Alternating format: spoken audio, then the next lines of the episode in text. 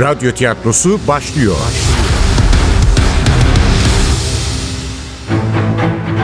Kayıp Tanrılar Ülkesi 4. Bölüm. Eser Ahmet Ümit. Radyoya uyarlayan Safiye Kılıç. Seslendirenler. Anlatan Bora Sivri.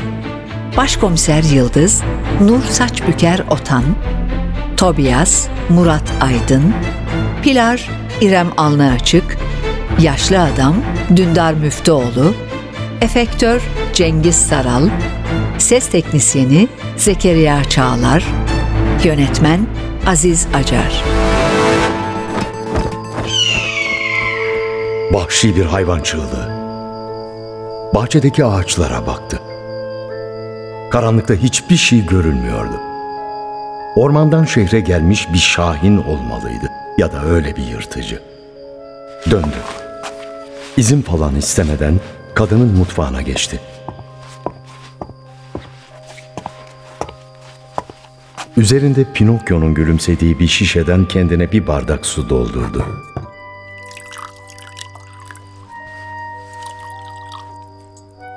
İçti. Başka bir bardağa uzandı. Onu da doldurup içeri getirdi. Temiz hava hamile kadının toparlanmasına yardım etmiş gibiydi. Bardağı uzattı.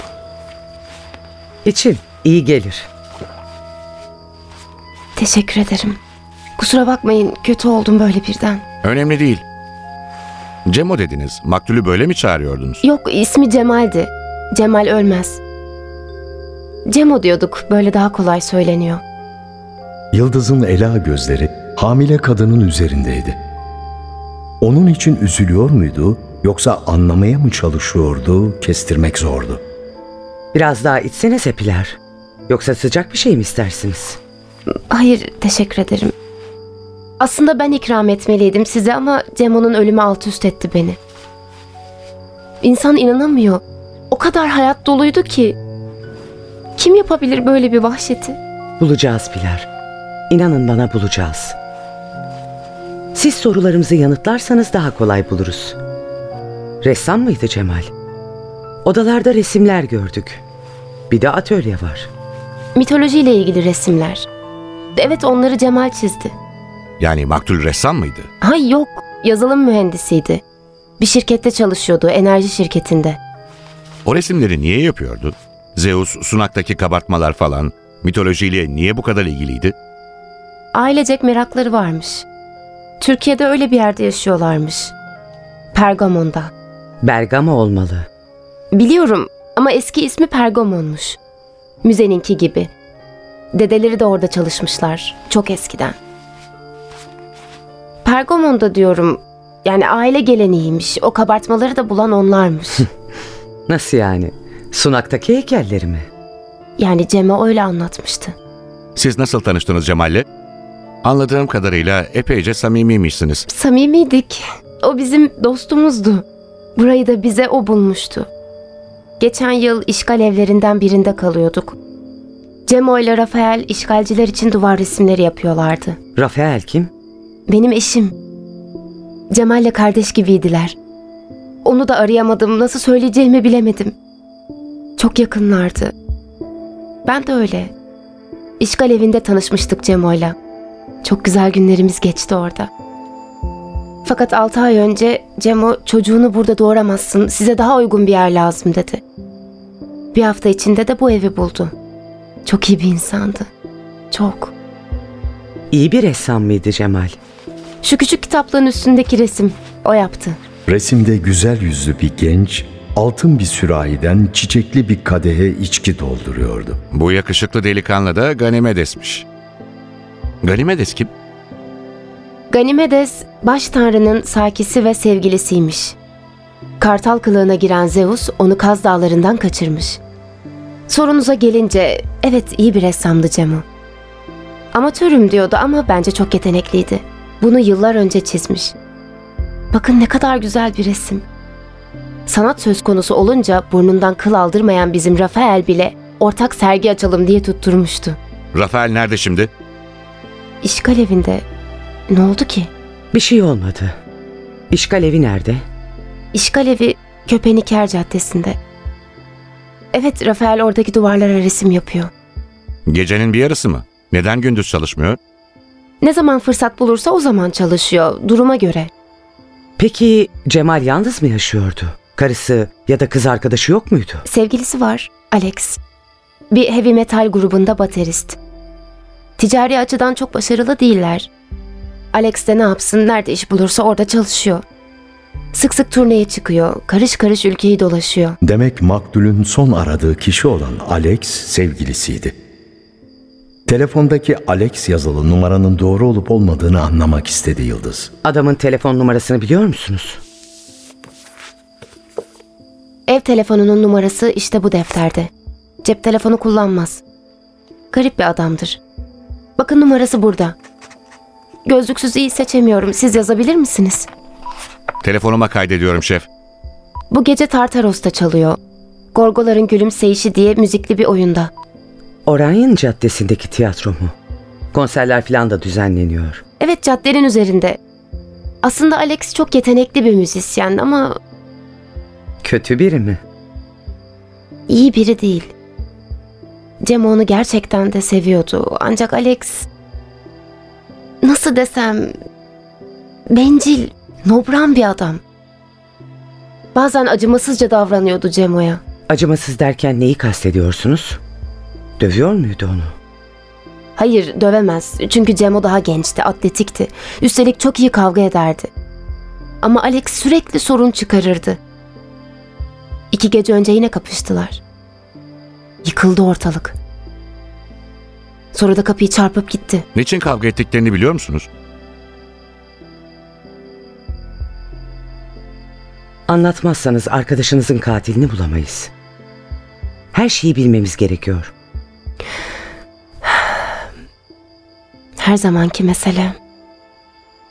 Cemo'yu kıskanıyordu Alex. Şimdi ne haldedir bilmiyorum ama Cemo çok yakışıklı bir çocuktu. Alex hem çirkin hem de ondan yaşlıydı. Zindan ediyordu hayatı Cemo'ya. Yoksa o mu? O alçak mı öldürdü Cemo'yu? Bilmiyoruz. Siz ne diyorsunuz? Alex yapmış olabilir mi?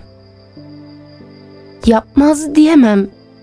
Ölümle tehdit etmişti Cemo'yu. Hem de gözümüzün önünde. İki gün önce burada şu masada. Yemeğe çağırmıştık onları. İçince yine kavga çıkardı. İşte o zaman öfkeyle eğer beni terk edersen, eğer bunu bana yaparsan seni yaşatmam demişti. Evet aynen böyle söyledi. Cemal neden katlanıyordu adamın kabalıklarına? Kabalık da değil. Bu bildiğimiz şiddet. Neden ayrılmıyordu? Dedim ya, seviyordu Alex'i. Gerçekten çok seviyordu. Belki de Alex'in şiddet uygulaması hoşuna gidiyordu onun. Hayır Cemo öyle biri değildi. Onurlu bir insandı. Kimsenin onu aşağılamasına izin vermezdi. Alex'le kavgalarında da hiç altta kalmadı. Dedim ya iyi, çok iyi dövüşürdü. Bakın yanlış anladınız. Bunun onurla alakası yok. Aşkta sınır tanımayan insanlar vardır. Ölümü bile yaşadıkları ilişkiye dahil edenler. Daha önce de tanık olduk böyle vakalara. Hayır, Cemal öyle biri değildi. Evet, öteki insanlardan farklıydı ama hayata bağlıydı. Ölümü değil, yaşamayı severdi. Ne kimseyi öldürmek ister, ne de kendini öldürmelerine izin verirdi.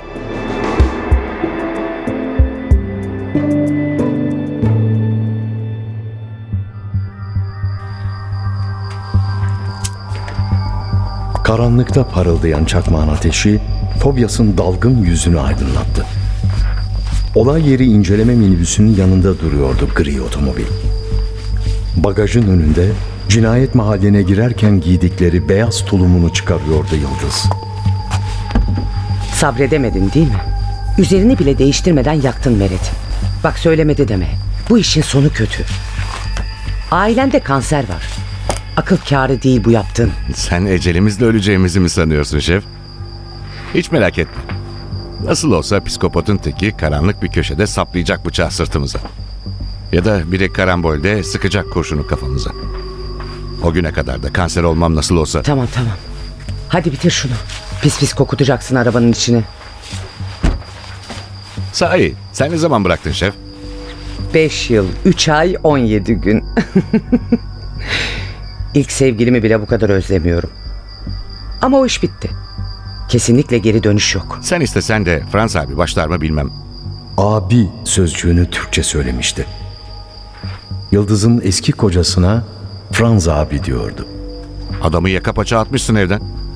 Abiyi güzel telaffuz ettin. Türkçen ilerliyor. Ama Franz'dan bahsetmiyorum. İlk sevgilim derken de Volker'ı kastetmiştim. Aynı sınıftaydık cimnazyumda. Çok tatlı çocuktu. Elbette kimse ilk aşkıyla evlenmez. Ancak Franz gerçekten büyük hataydı. Gençlik hatası. Her kadının böyle aptallık dönemi vardır. İşte o zaman böyle insanları katarız hayatımıza. Franz da onlardan biriydi işte.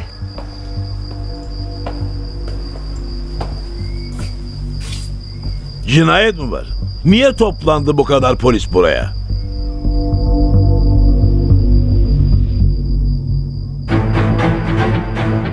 Kayıp Tanrılar Ülkesi Eser Ahmet Ümit Radyoya uyarlayan Safiye Kılıç. Seslendirenler. Anlatan Bora Sivri. Başkomiser Yıldız Nur Saçbüker Otan. Tobias Murat Aydın. Pilar İrem Alnı Açık Yaşlı Adam Dündar Müftüoğlu. Efektör Cengiz Saral. Ses Teknisyeni Zekeriya Çağlar Yönetmen Aziz Acar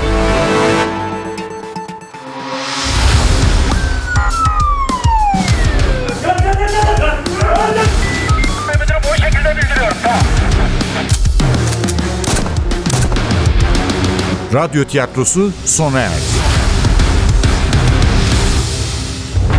Radyo tiyatrosu her cumartesi 11.30'da NTV Radyo'da.